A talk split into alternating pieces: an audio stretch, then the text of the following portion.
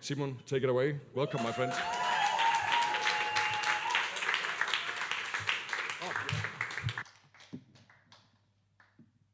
Got my own mic here, so yeah. Yeah. Hey, thank you so much. This really moves my heart. It, I didn't expect that at all. I didn't know about it. And um, it's just something, you know, starting a church on a word of God, you know, it's, that's 90% the risk to look really foolish. and and I, we had a few, uh, our share of people who'd say, you know, that city doesn't need another church. You know, you're not at the right point to start a church. And but we just had a burden. We said at one point we have to do something. We need to do something. And actually, that's that's the spirit that we've carried from the beginning. It's like, hey, let's let's do something. Let's change something.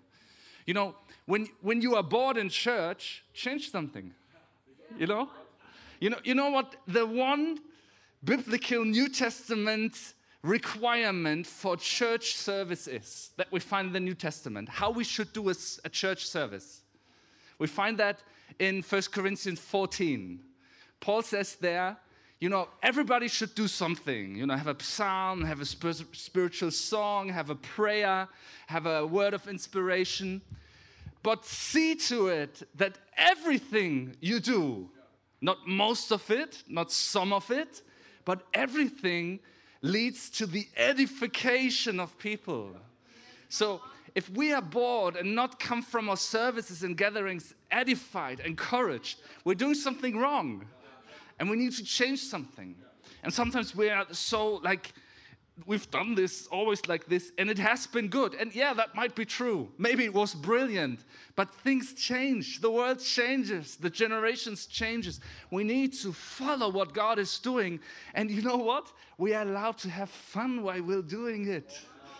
There's joy in the house of the lord. It's actually the joy in the house that is the strength that we need to do what we do because what we do is hard work we labor you know, it, it's not a hobby. It's not something we do on the side. It's no side hustle or something. It's, it's a hard labor that we do. We follow after our King. We follow after the mission, the call He has given us to reach all nations. That's a lot of work, man. hey, thank you for, for having us here. I feel so honored. And I just want to, Silas and Christina, just want to honor you and what you're doing here. And, you know, I what I usually do when I'm in a church, I don't just look at the leaders themselves, I, li- I look at the people around them. Because those are the people that know you well, that have been with you for a long time. And the people I see here are just people who have a lot of heart, who love you, who love doing this. And that tells me something about what kind of people you are. And just want to honor that and, and use that to build. Just allow people to feel you, feel your heart. Yeah. And by the way, Johannes, I had a word for you. Um, you know, just in worship, I looked at you worshiping and singing and praising. And did I get the name wrong? Yeah, Jonathan. Jonathan. Ah, yeah, Jonathan. That's different than Johannes. Um, Jonathan, sorry. But I felt just God saying, Jonathan, you're an, you are an amazing friend. Just you are an amazing friend and he wants you to know that. And and you know probably after christine you're the person in the room that knows silas the second best. So he he can't bullshit you. Sorry for my french there but but but you've been an amazing friend. And you know i love lord of the rings. And you know you have frodo and his friend samwise And Sam might not be carrying the ring, but he is one of the reasons why, in the end, the good prevails. And I just feel like that kind of heart is in you. You're that kind of friend. And, and just, I get the sense, you know, this is becoming more for you, not less. Whatever you do with that. All right. Okay. what I, what I want to share with you right now, the message I have is really dear to my heart, and I believe it's a message for the churches here in the north, especially. Um, and it's something I've felt, you know, every time I look at this message, I've actually preached it only once so far, and I've been kind of itching to give it again, but I know it's, it's a special, special message. And that's why I always wait for God to say, Hey, I want to talk about this. But I felt really encouraged to talk to you about this message. Um, and it, it has a simple title. It's called God of the Generations, God of Generations. When you look at the Bible, you can see that God is a God of generations. He introduces himself I'm the God of Abraham, Isaac, and Jacob. I'm a God of generations. I am the one who I will be. I'm not a God of just one static place, I'm a God of generations. The generations that were before us, but gen- the generations that are also coming after us. And I'm a God of those generations. And especially in the beginning of the Bible, you can see the negative effect when generations break down. You know, we have the first couple, couple Adam and Eve and they sin. And then their generation, their sons, Cain kills Abel. And a, a whole generation breaks down. And when you read on and it describes the first cities being built, quickly you have the first, and he's, he's a mighty warrior, and he gets to himself two women and says, Hey, if somebody just as much as uh, curses me, I'm gonna kill him. You know, and you can see how First, marriages break down, then families break down, and then society breaks down. It's because generation, one generation gives something to the next generation. And when we miss our call to hand something over to the next generation, it leads to breakdown. But at the same time, it means that you can actually be the start of a generational blessing being released through you. I don't know what your family background is, how your family looked, how your generations before you looked. If you come from that family where no marriage uh, uh, kept on going, but because there was divorce or there might be alcoholism or whatever, could be like something on the generations of your family. You can be the start of a new generation. My parents uh, gave their life to Christ when they were in their 30s. So I grew up in a Christian home, and later I realized what a difference it has made because I could see the families of my, of my cousins, of my aunts and uncles, and I could see how different our family was. And in every respect, in terms of we, we were blessed as a family, um, blessed like um, we have a big family. My parents had a lot of kids. We all have a lot of kids, so there's there's visible blessing, but also I remember when my grandmother died, and we gathered in the living room, and she uh, came from a state church background, so the pastor was there, and it was kind of the, in Germany, you would call it the last oiling, the last blessing, I don't know. And all the other families from my aunts and uncles, they were all heartbroken and crying and almost despairing over the situation. And I remember I was eight years old then. I looked at my family, thought, we are sad too, but it's somehow different because we know it's not the end. We live with a different hope. And, and that started, and my, both my, especially my dad, comes from a very broken home, broken through a war in, in terrible ways. But he was able to be a father to me like he never had. And he couldn't have done it without God in his life. So you can be the start of a new generation. But God works through generations. We can see it in Israel's story, the good and the bad. God uses Moses to lead the nation out of slavery in Egypt. Moses empowers Joshua to conquer the promised lands. You might not know it, but Moses, because of his own sin, wasn't allowed to even enter the promised land, but he had empowered Joshua to lead the nation into this next phase. But then Joshua although he leads with vision and personal integrity, me and my house are going to serve the Lord. What he misses to do, he doesn't empower a successor. He doesn't empower a next generation. And what follows is the book of Judges. You know, if, if you think the Bible is boring, man, the book of Judges is not boring. That's kind of the worst and the best book of the Bible. You know, there are like sticks being driven to heads and people cut up pieces. It's terrible. But as a, as a teenager, I thought it was awesome. Um, but, but honestly, it's, it's really heartbreaking to see. Uh, although Joshua leads with vision, he misses to empower a next generation. I love to see that here, that your pastors, that they say, we empowered a younger couple to lead. And, and we do it before we had to do it. Nobody told us to, but it's, it's something we understand, and that's so powerful. So then in that time, God raises up judges again and again when the nation cries out, when being attacked by their enemies, but it only lasts for one generation and then it all goes down the toilet again.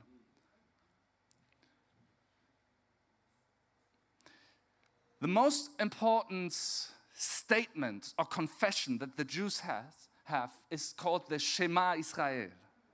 It's kind of their establishing confession that they make. They regularly pray that. Weekly, they pray that. I just want to read to it. It's in Deuteronomy 6 um, from verse 1.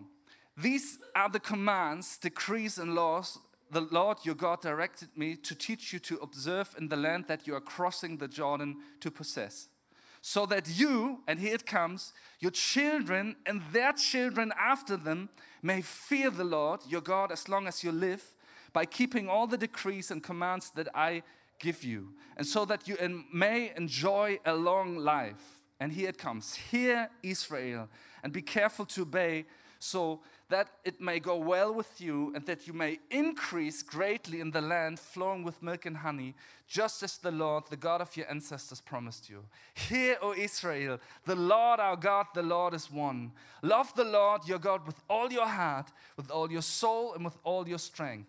These commandments that I give you today are to be on your hearts. Impress them on your children. Talk about them when you sit at home and when you walk along the road, when you lie down and when you get up. Tie them as symbols on your hands and bind them onto your foreheads. Write them on the door frames of your houses and on your gates. That sounds familiar because Jesus affirms this in Matthew 22 when he says, The most important commandment is to love the God with all your heart, all your mind, all your soul, with all your strength. Everything else follows after this commandment.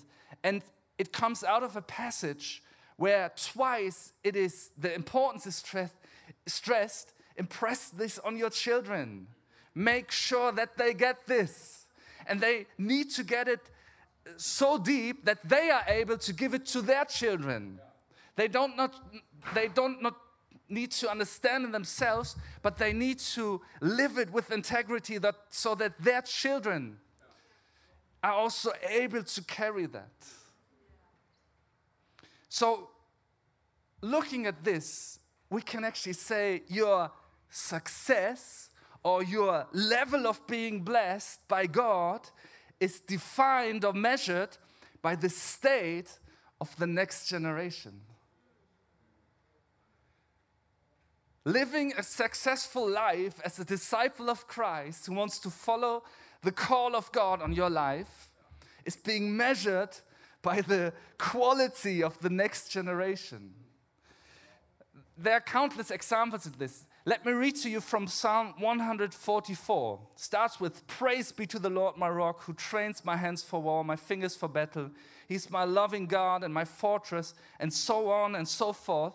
And then in verse 9 it says, I will sing a new song to you, my God on the 10 stringed lyre. He's got only six there, so that's a problem, I think. No, but um, to the one who gives victory. And then verse 12 Then our sons in their youth will be like well nurtured plants, and our daughters will be like pillars carved to adorn a palace. Our barns will be filled with every kind of provision. Our sheep will increase by the thousands, by tens of thousands in our fields. Hey, church, if you want to be a blessed church, if you want to be a blessed people, take care of the next generation, that they are able to follow the call of God that is on that generation. Your success, your blessing is connected to the well being of the next generation. This is not a nice to have.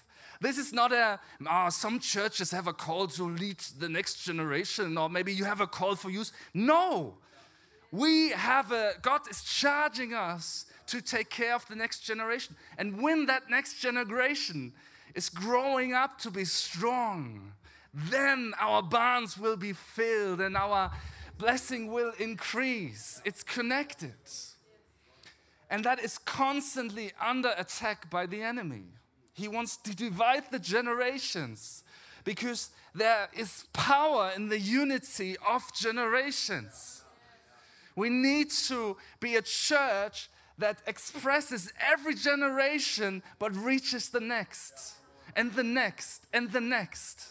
And maybe I'm older than you, then you are my next generation, but there's a next generation for you. Or maybe you are an older gentleman here or a lady then there is a younger generation that you are called to reach. This is not trivial. This is not an add or not nice to have, but make or break. Again, the biblical definition of success is the state of the next generation. Just real quick, so that you know it's not just an Old Testament thing, like the patriarchs or something. Paul writes to Timothy in 2 Timothy 2, verse 2, 1 and 2.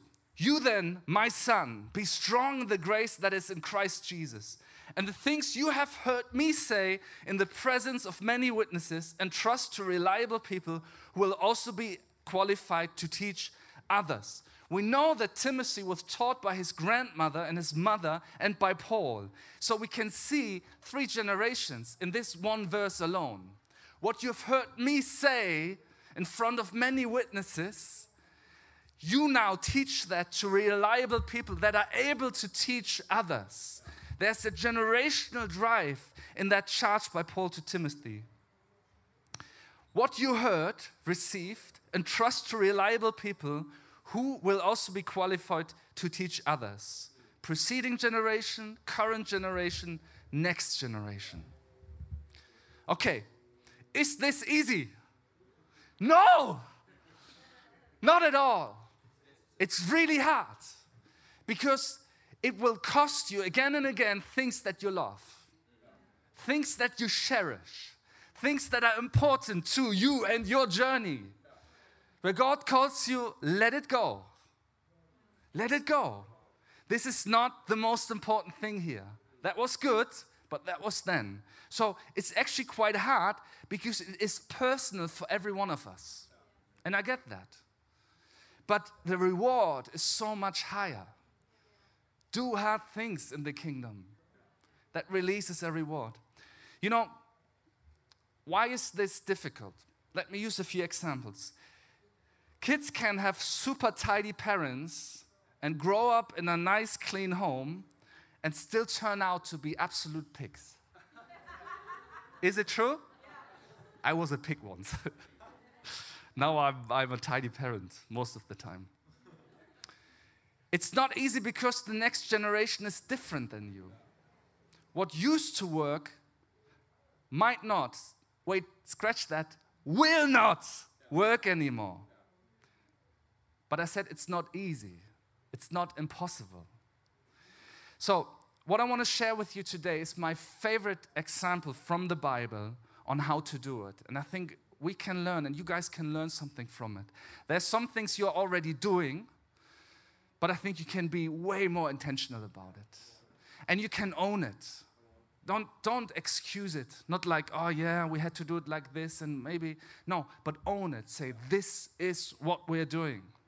Like we have this saying in Equippers we say, hey, Equippers is not the only way to do church. It's certainly not the best way, but it's our way. And there's just something about owning what God has called you to that just releases a freedom to let people be. I don't have to convince anyone, you know? If this is God, then everyone will see it. And this is what we're doing.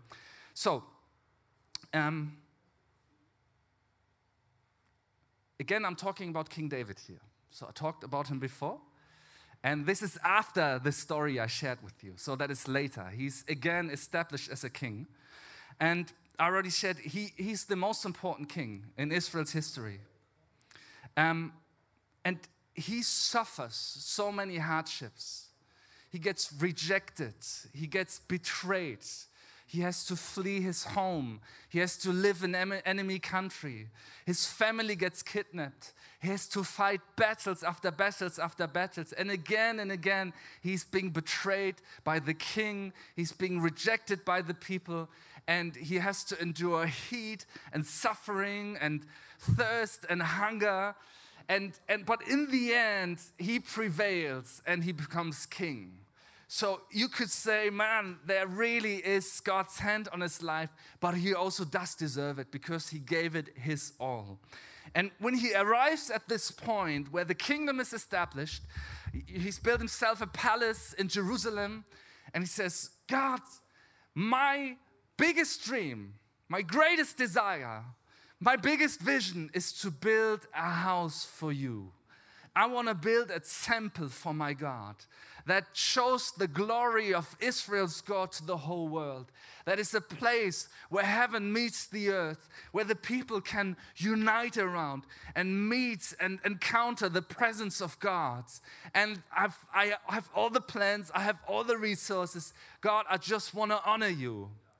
And God says, No, you won't be the one. You've spilled too much blood. It's going to be one of your sons.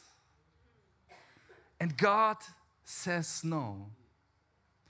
You know, I'm 42 now, and funnily, since maybe a few years, my sense of time has changed.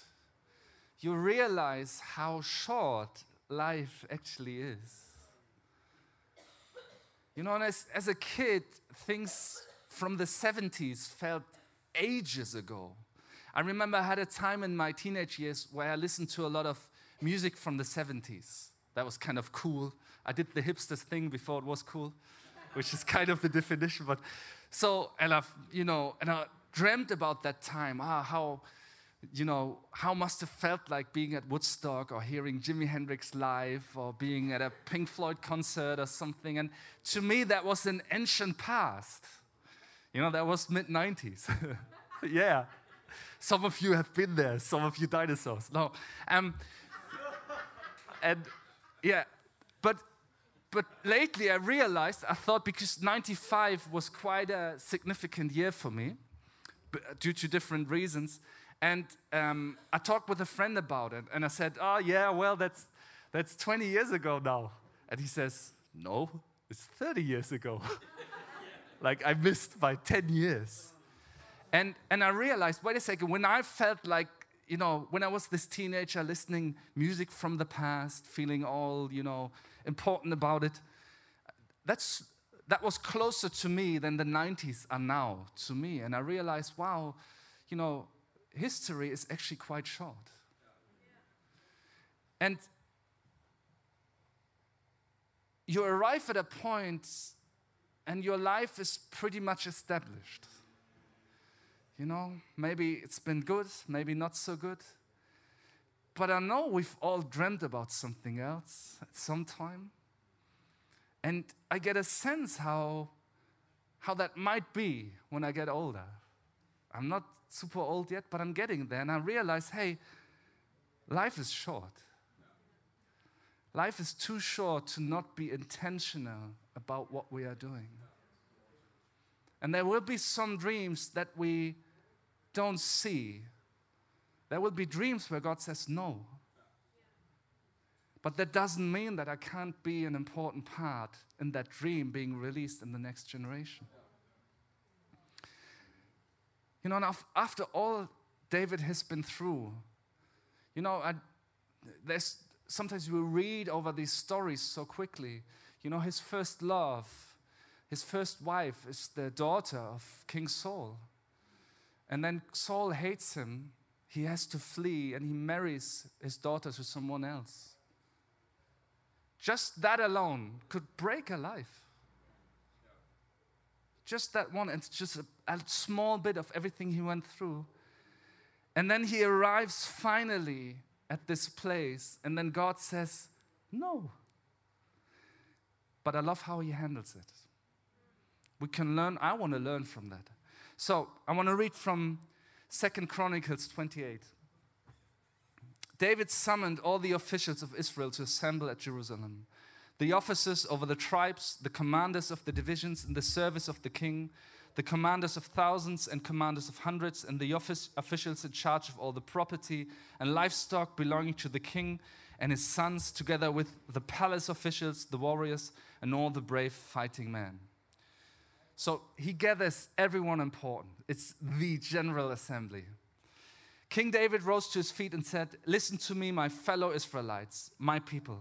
I had it in my heart to build a house as a palace of rest for the ark of the covenant of the Lord, for the footstool of our God, and I made plans to build it. But God said to me, You are not to build a house for my name because you are a warrior and have shed blood. Yet the Lord, the God of Israel, chose me from my whole family to be king over Israel forever. He chose Judah as leader, and from the tribe of Judah, he chose my family, and from my father's sons, he was pleased to make me king over all Israel. Of all my sons, and the Lord has given me many, he has chosen my son Solomon to sit on the throne of the kingdom of the Lord over Israel.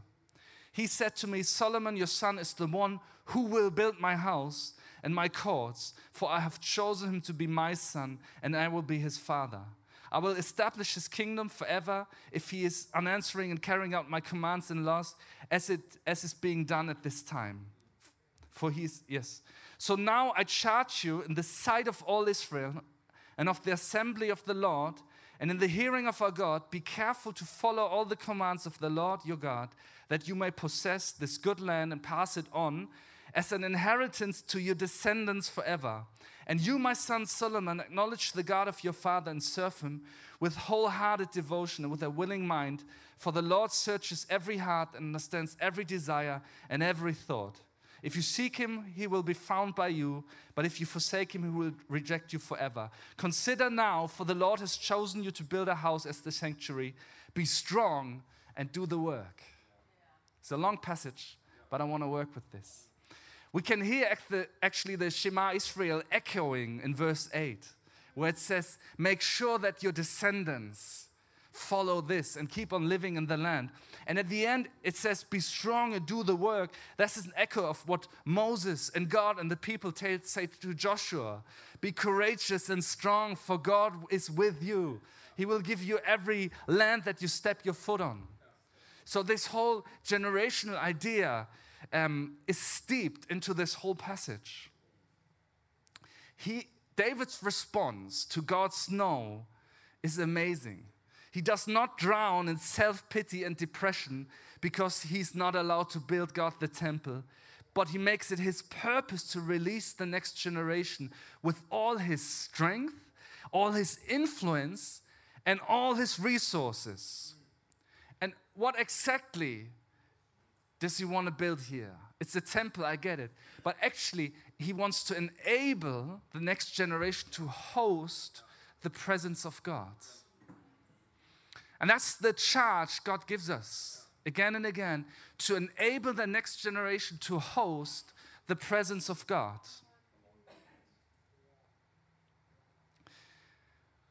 You know, when I look at what David does, actually, he doesn't step down, he steps up.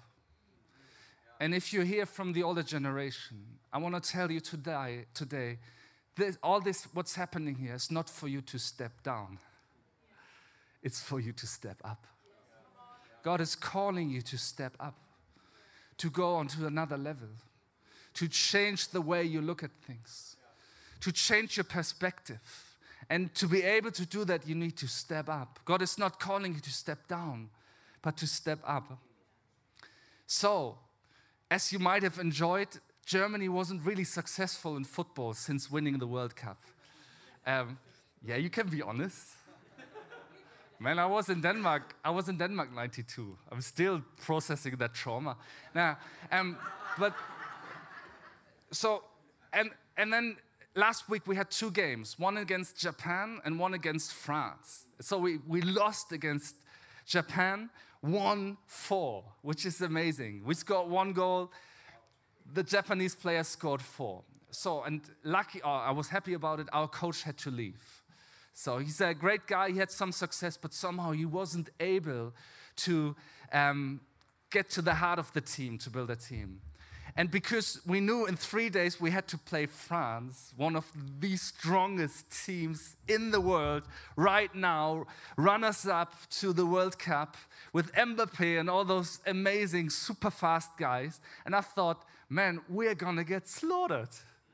They're just gonna, you know, it's gonna be a thousand to zero or something. But so the, the Germany team thought, what can we do? And what did they do? They brought the old guy in. Rudi Völler. Anybody know him here? We used to call him Auntie Käthe because of his uh, gray hair. And, and he stepped in, and we all thought, um, you know, it might be, it, it's definitely to be a loss, but it might not be that high. But for the first time since nine years, we've beat France. And it, and it, it shocked the nation actually, because we love to be negative about things in Germany. So and I saw, I saw an interview with Rudi Völler, and they said, So, what did you do in three days? Well, because this was a different team. They were playing amazingly, you know, technically skilled. They were fighting everything we've been lacking for years. And, and he said, I actually didn't do anything. I just gave them security. I just said, hey, you are amazing footballers. Just keep it simple. Just don't forget about all the tactics. Just keep it simple, fight, and this is gonna be good. I'm behind you. And, and you could tell the whole team was lifted up because there was an older generation believing in them. And, and making it simple. And, and this is what David does here. He casts a simple vision for the next generation. And that's actually my first point. I want to give you four quick points how to empower the next generation. And the first point is you need to give vision to the next generation.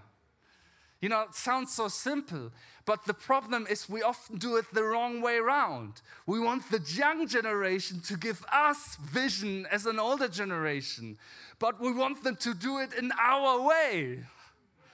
We want them to create energy and vision, but then they should do it the way we want it. But it's actually the wrong way around we are called as an older generation to give vision to a younger generation, but then let them do it how they want to do it. Say, hey, this is where we are going. Go for it. Go for it. Run for it. We're behind you. I'm making this simple. You're amazing. You can do it. But they need a clear vision. They're not able to create vision for themselves yet. They need to follow a vision. The problem is when the older generation is not giving a vision, the younger generation is looking for a vision. And then you have two visions, and that's division. And that's what we're seeing all the time generational breakdown. You know, and this is not something I'm pulling out of this story. We can read in Acts 2, verse 17. In the last days, God says, I will pour out my spirit on all people. Your sons and daughters will prophesy. Your young men will see visions. Your old men will dream dreams. There's something about an older generations giving dreams to the younger generations so that they can actually see visions. And this comes actually from a prophecy from the book of Joel, where it says about the days where the Spirit will be poured out. And guys, those days aren't over. we are in those days right now. So we need to be willing to cast a clear vision but then also allow a younger generation to do it their way. He speaks purpose and calling over his son. You are chosen by God, Solomon, he says. You are called to build. You know, the older generation, I want to tell you, you don't understand how powerful your posture and your words are. Some of you definitely do. But like when we started setting up church in the cinema, you know, we started at six in the morning to set up for service at 11. Lots of young people. And then older people would say, oh, I'm not really needed anymore. I can't do the hard work. So, and, and I look and say, hey, you are needed more than ever. And uh, you're not needed to carry stuff and set it up. You're needed to give them security and safety and say, hey, you can do it. I'm here with you. Do you need help? I'm, I'm present. And we, we have some older people in our, they are there every Sunday morning, encouraging a younger generation to do hard work. and they love to do it. They love to do it. And um, so that's the first bit. We need to give vision. The second is equally as important. We need to live with integrity and passion. I love this quote by Jean Jaurès. Tradition is not the worship of ashes, but the preservation of fire. Tradition is not the worship of ashes, but the preservation of fire. David is a man after God's heart. And whatever you are passionate about will influence the people around you. And the closer they are, like your kids, the bigger the influence. And it needs to be a real passion, not a fake passion. That is why integrity and passion belong together. I think there's nothing more or hurting for a generation when there's a generation before them that pretends to be one way on a Sunday and is different on a Monday. Because kids see through that immediately. Immediately. And they say, I don't want this. I don't want this at all. But on the other way, it's powerful when they see integrity of the heart and passion for the house of God. You know, some, especially men in my age, um, they arrive in their 40s. They've built a career. They found a wife. They had some kids, maybe. They built a house. They have a functioning car now. And their life gets so boring. And they become boring people. I sometimes talk with them, and you know, they get passionate when they talk about lawn care. And I get it, I love a beautiful lawn. But this is what you're passionate about? I remember when we were passionate for the house of God together. I remember when we were praying in the night, when we were going out on the street, and this is now your passion? And how do you expect your kids to be passionate for the house of God when you kind of keep it at a safe distance? And David does that. He is always passionate, sometimes too much, but passionate and full of integrity. Um, you know, and, and it's you need to do what you ask them to do. You can't just tell them. You know, if you want a young generation to be passionate in praise, you need some old guys like me being passionate here. Actually, in my church, I'm still like, come on, you know, can anybody top me? I do more praise than you guys. And there will be a point, but it's something where we need to go forwards, where we need to be willing to be publicly passionate about, passionate about the house of God. You know, it's, otherwise it's like telling, you know, I know parents who snack sweets the whole time, but try to raise their kids sugar free. And then when their kids get totally addicted to sugar, they're like shocked. How could that happen? because you said something, one thing, but then you did the other thing. And kids will not do what you tell them, but they will do what they see you do. So we want a passionate young generation here. We need to be passionate. Okay, number three. Another thing I find amazing about David's response in this, because I get it, he could have been so sad and depressed about God saying no to him wanting to build a house for God. You know, some people manage to say, okay, I let the younger generation do it, but they should, you know, then you should do it. I'm, I'm out of here. You know, now it's your thing. Okay, it's your thing. See how good I was, I let it go. No, but he doesn't even just allow the next generation to get a hold of it. He brings resource to the table. When we read the whole story, he has tons of building materials and gold and silver and, and he has plans and structures and he gives that all to the next generation. He says, Hey, I've prepared everything. I've prepared everything. He's preparing the unity in the nation. Honestly, too many times the next generation has to inherit our conflicts. It's our job to take care of that and prepare the resources so they, they are free to build. And you know what? They're going to look at what you've built and say, what we're going to do is going to be better. And that hurts. I know that. My kids, you know, they totally don't get what an amazing church we've built. If I would have had a church like this when I was at your age, I would be thanking God. You have no idea how good you have it. But honestly, honestly, that's the natural way. That my my vision should be their normal. Should be their normal, should be their starting point, saying, okay, this is the normal, we're going further, we're going higher, we have a bigger vision. And here, okay, you can have it. It hurts a little bit, but hey, if it hurts your pride, that's a good thing, huh? Yeah, it is. Please say yes to that. um, you know, David prepares financial resources, building resources, he creates unity, he fights the necessary battles for the next generation to have the best possible start, and also practical resources.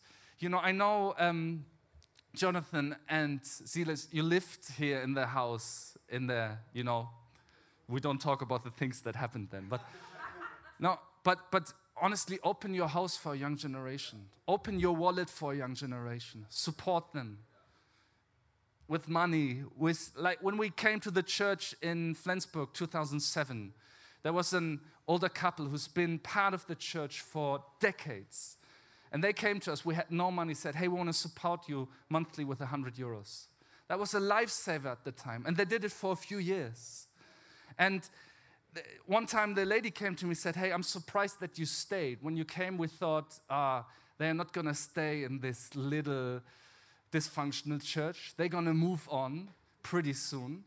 But honestly, it was because of people like them who said, Hey, I'm going to put my heart and my money where my mouth is into what I see in your life. And that puts something me or say, I want to give back to that. I want to bring vision to this place. Okay. And number four, last point to this. What he gives Solomon is real trust. You know, don't just need to give vision to a younger generation, not just support them, give them resources, but it's important that you trust a new generation. He says in verse 10, be strong and do the work. And in verse 20, if we read further, David also said to Solomon his son, Be strong and courageous and do the work. Do not be afraid or discouraged, for the Lord God, my God, is with you. He will not fail you or forsake you until all the work for the service of the temple of the Lord is finished. I believe in you and I trust you. God is with you. And it's interesting, he said, I will, I believe you until the work is finished. Sometimes we are like, okay, we're giving this to the next generation. Oh no, it's going wrong. I'm taking it back. I'm saving my baby. But to say, hey, I'm trusting you guys, I'm behind you. You know, when you do something new, uh, at the beginning, people will not understand. People will even leave.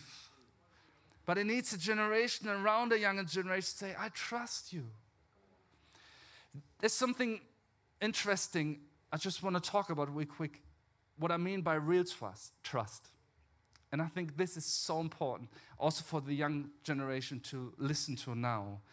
Um, there's something interesting that we read about, read about in a parallel passage in 1 Kings chapter 2 after David anoints Solomon as his successor, he calls him and tells him about a few people that David had problems with over the years and says to Solomon, When you are the king, you have to deal with them, but you are wise to do so. You will find and you will find a way. Empowering the next generation does also not mean to put them in a soft blanket. They need to feel the weight of leadership. And we need to expose them to it in a real way.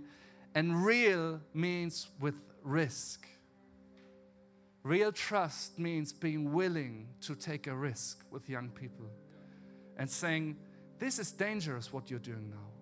And it could hurt me and it could hurt you. But I trust you. I trust you. God has given you what you need to prevail. I love this story from the Hundred Years' War France versus England. The biggest, one of the biggest battles there is the Battle of Crecy. And one part of the army was led by King Edward, and the other by his 16 year old son, His name was also Edward, but to distinguish that he was called the Black Prince because he was wearing black armor. And he was must have been a, a, a beast at 16 because he was already winning all the tournaments as a knight and he led a big part of the army. And uh, it was a really long, hard battle against the King of France. And then King Edward, the father, had already defeated the enemy, but another division was attacking the flank where his son was fighting. And uh, in one history book, they write about it like this At this time, a messenger arrived at King Edward's post by the windmill, seeking support for the Black Prince's division. Seeing that the French could make little headway up the hill, Edward is reputed to have asked whether his son was dead, wounded, and on being reassured, said, I am confident he will repel the enemy without my help. Turning to one of his courtiers, the king commented, Let the boy win his spurs.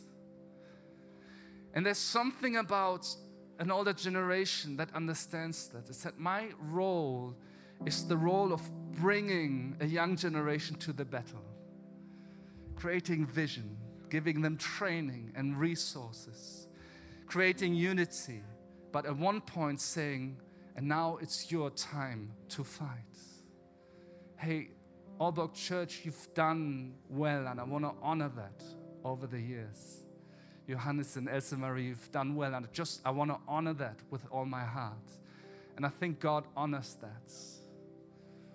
But I also want to say, let the boy win his spurs. And it's real risk. There's risk that people might get hurt, things go wrong, but the reward is so much greater. So much greater. Real trust involves risk. The prince is victorious and becomes a legend and a powerful leader, not the kid that always needed to be rescued by his father, but a leader in his own right. Hey, church, let us stand.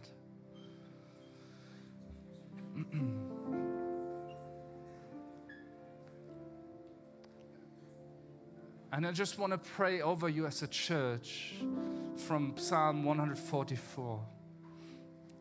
And I want to, it's kind of a prophetic statement I want to deliver here.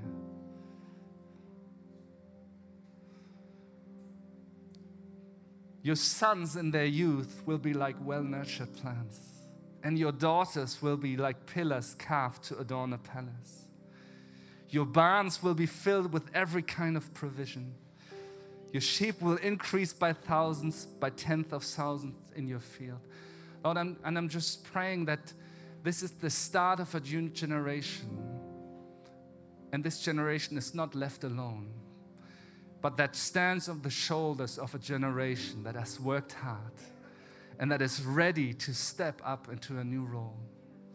Lord, I'm praying that this will become a generational church where there's a wave after another wave is being released of a generation to carry the gospel into this nation, to be a shining light for Denmark,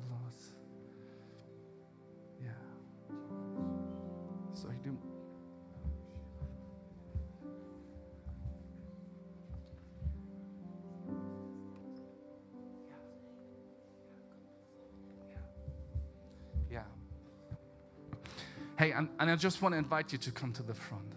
If you say, I want to be part of a generation that releases another generation. And before you do that, it, it involves a high cost. It does. But the blessing is so much higher. But don't just do it because it's a conference moment. But when you say, I want to be a generational leader, I want to be someone who releases a generation into their purpose and destiny, just want to invite you to come to the front. Just as a sign of that you are willing to allow God to change that in your heart.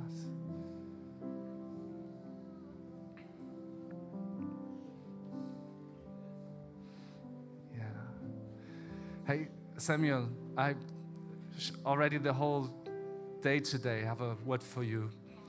And I've seen you gathering um, like wooden stems like that you would use to build a fence like not nice like you do them but really rough like on the countryside, and you were they were a certain length, and you were gathering them, and you had quite a few.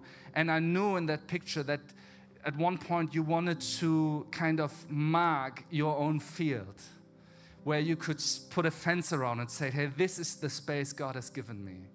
And, and you, you were counting, said, do I have enough? And I just, um, in one way, I want to affirm that. I think God has a field prepared for you where you put a fence up and around, said, this is mine, this has God given me, and I'm going to use it to produce something. And I just felt God saying, You're on a good road right now. But keep on gathering more of those building materials. Because if you mark your field right now, it's much, it's much smaller than what I want to give you. It's much smaller than what I want to give you. That's, that's the capacity you have right now. But God is going to increase your capacity. And it's, it's, it means there's another season of gathering the materials to be able to build that. But what God wants to give you is way bigger, bigger than what you think you deserve. Yeah. How about we just start in a time of worship and you just allow the Holy Spirit to minister to you? Yeah. Yeah. I also had something on my heart for you. What's your name? Daniel? Okay, Daniel. Um, this morning I saw a picture of you and I felt like you were part of an army. And Jesus was standing in front of this army and he had a torch in his hand with fire. And he asked this army, okay, who would take this torch and pass it on to this young generation? And nobody wanted to, but you were the only one saying, okay, I'm going to take the torch. And you just you went to Jesus and he handed you his torch and you felt a bit insecure and you were not sure if this is really for you. But your willingness to serve Jesus just brought you to this place. And then I, the moment you had this torch, I felt something in you was rising up and you became stronger and stronger and stronger and stronger. And suddenly you started running and the whole army just followed you.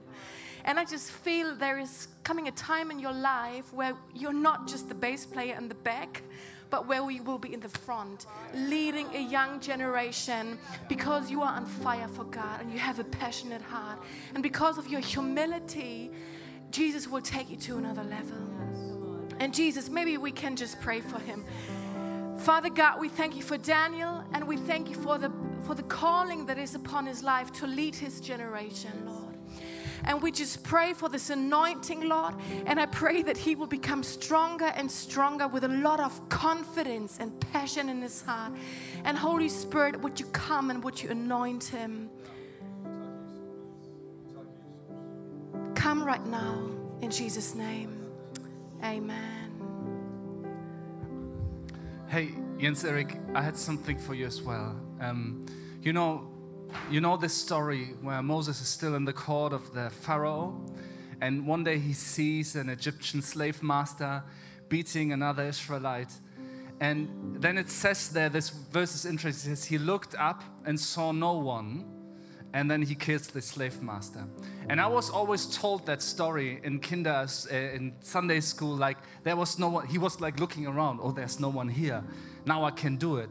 But actually, when you look into the Hebrew, it's completely wrong. It, it means he looked around and saw nobody doing anything about it. And I felt like this, this is like a call in you. You look at a young generation and you're like, somebody should do something about this. I'm seeing them hurting, I'm seeing them crying. Who's gonna do something about it? And, and I just felt like God saying, I'm calling you into a new season I'm calling you to do something about it. And I know you are already right there. You were here with your young people last night. But this is not the end of your story, it's the beginning of your story. You're called to step up for a young generation. And God will just bring that onto a new level in a new season. Yes.